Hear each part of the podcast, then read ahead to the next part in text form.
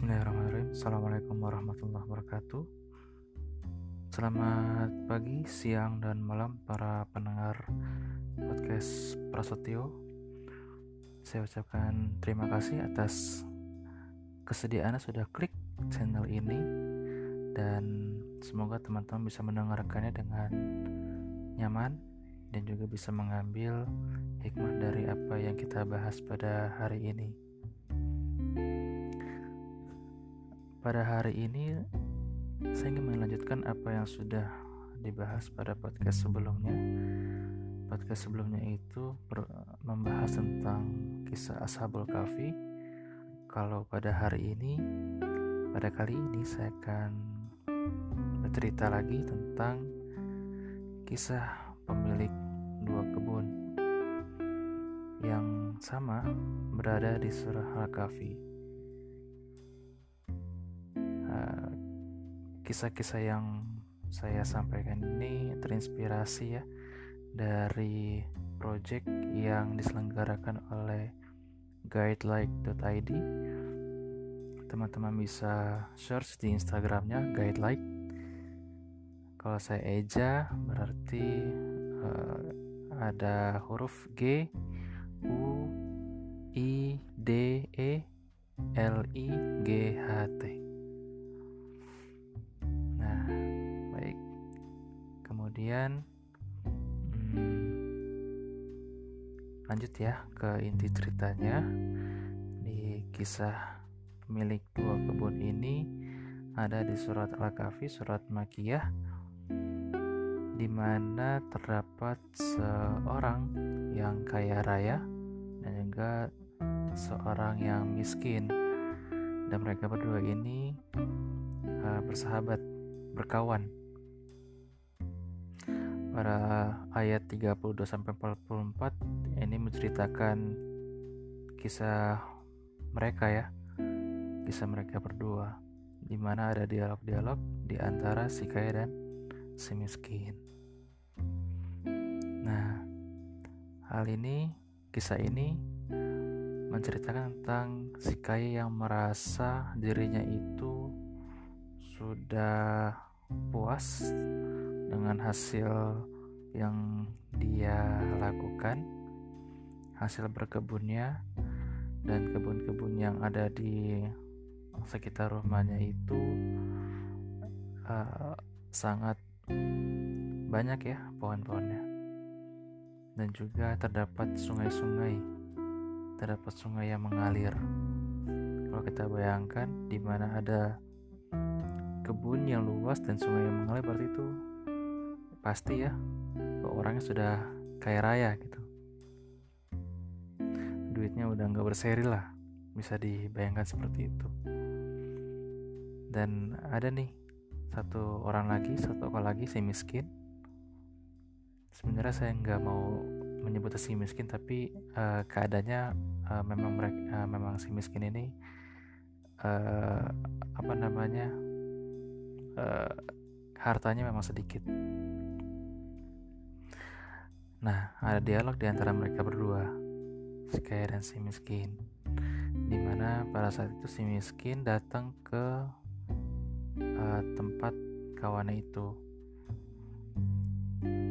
Nah, si kaya itu mengatakan kalau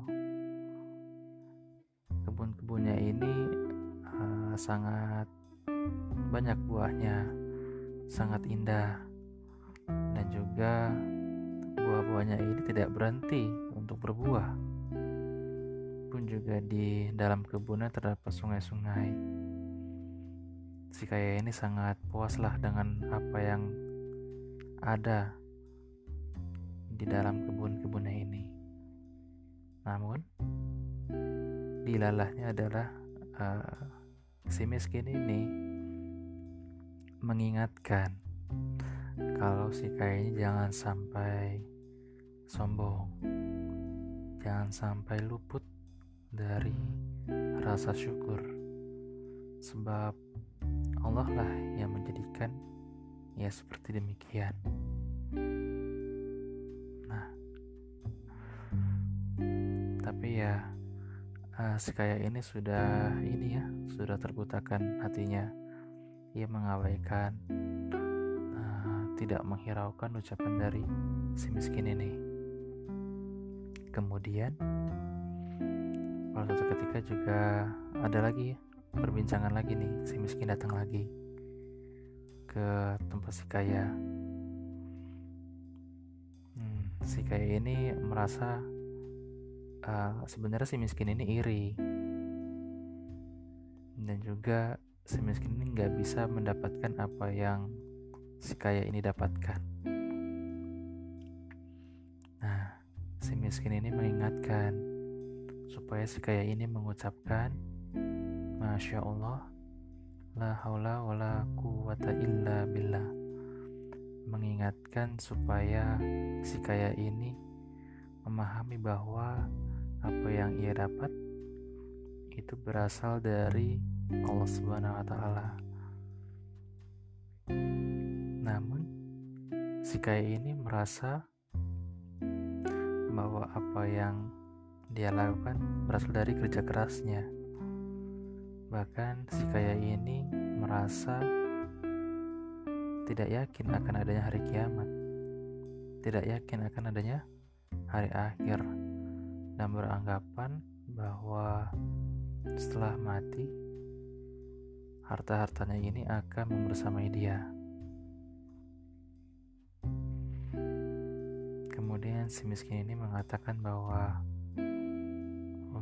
mengingatkan ya kepada si kaya ini untuk bertobat sebelum semuanya terlambat. Singkat cerita, Si kaya ini pada malam hari tidur dan pada malam hari itu pula kejadian yang tidak disangka-sangka oleh si kaya ini datang. Kejadian apa itu?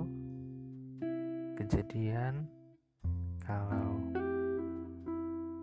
pada malam hari petir, hujan lebat itu memorak-porandakan harta si kaya harta dia. Kebun, semuanya luluh lantah.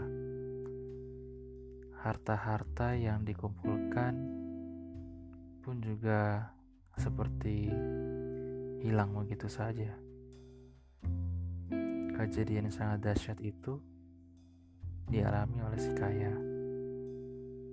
Namun sayangnya pada malam hari itu si kaya ini tidak mendengar suara hujan, tidak mendengar suara petir.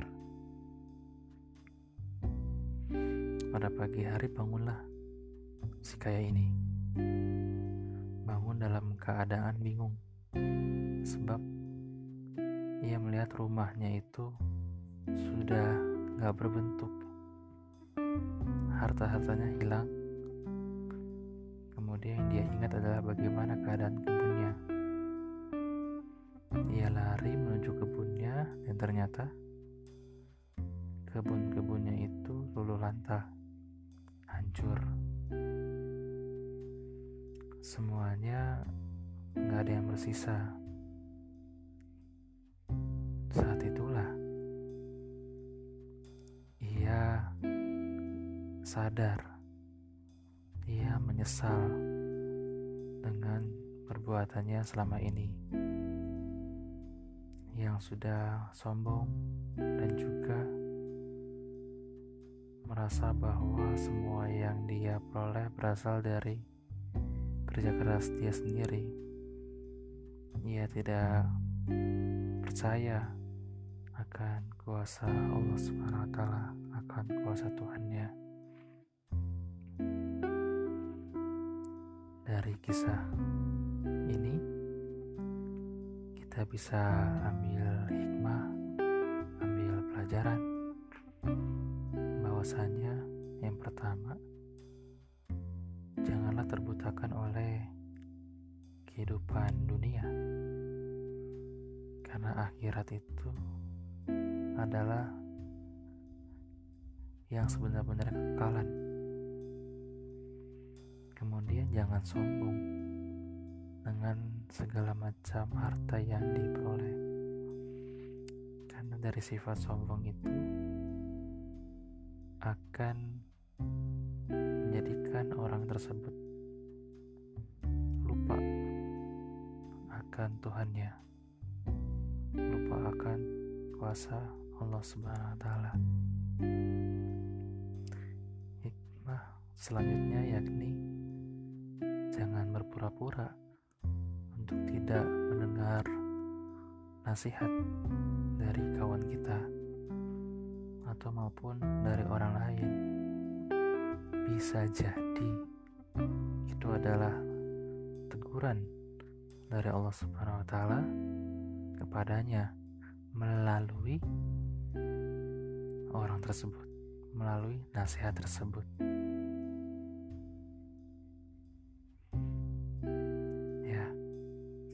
Kita terlindungi ya dari sifat-sifat yang tidak baik, sifat-sifat yang sombong, yang angkuh, dan juga semoga kita senantiasa bersyukur atas nikmat yang Allah berikan kepada kita. Dalam kisah ini, si kaya ini menghadapi sebuah fitnah, yakni fitnah harta. Kemudian bagaimana caranya supaya orang tersebut terhindar dari fitnah harta, yakni dengan cara tetap untuk bersyukur tetap untuk mengingat Allah dan senantiasa menjadikan hartanya itu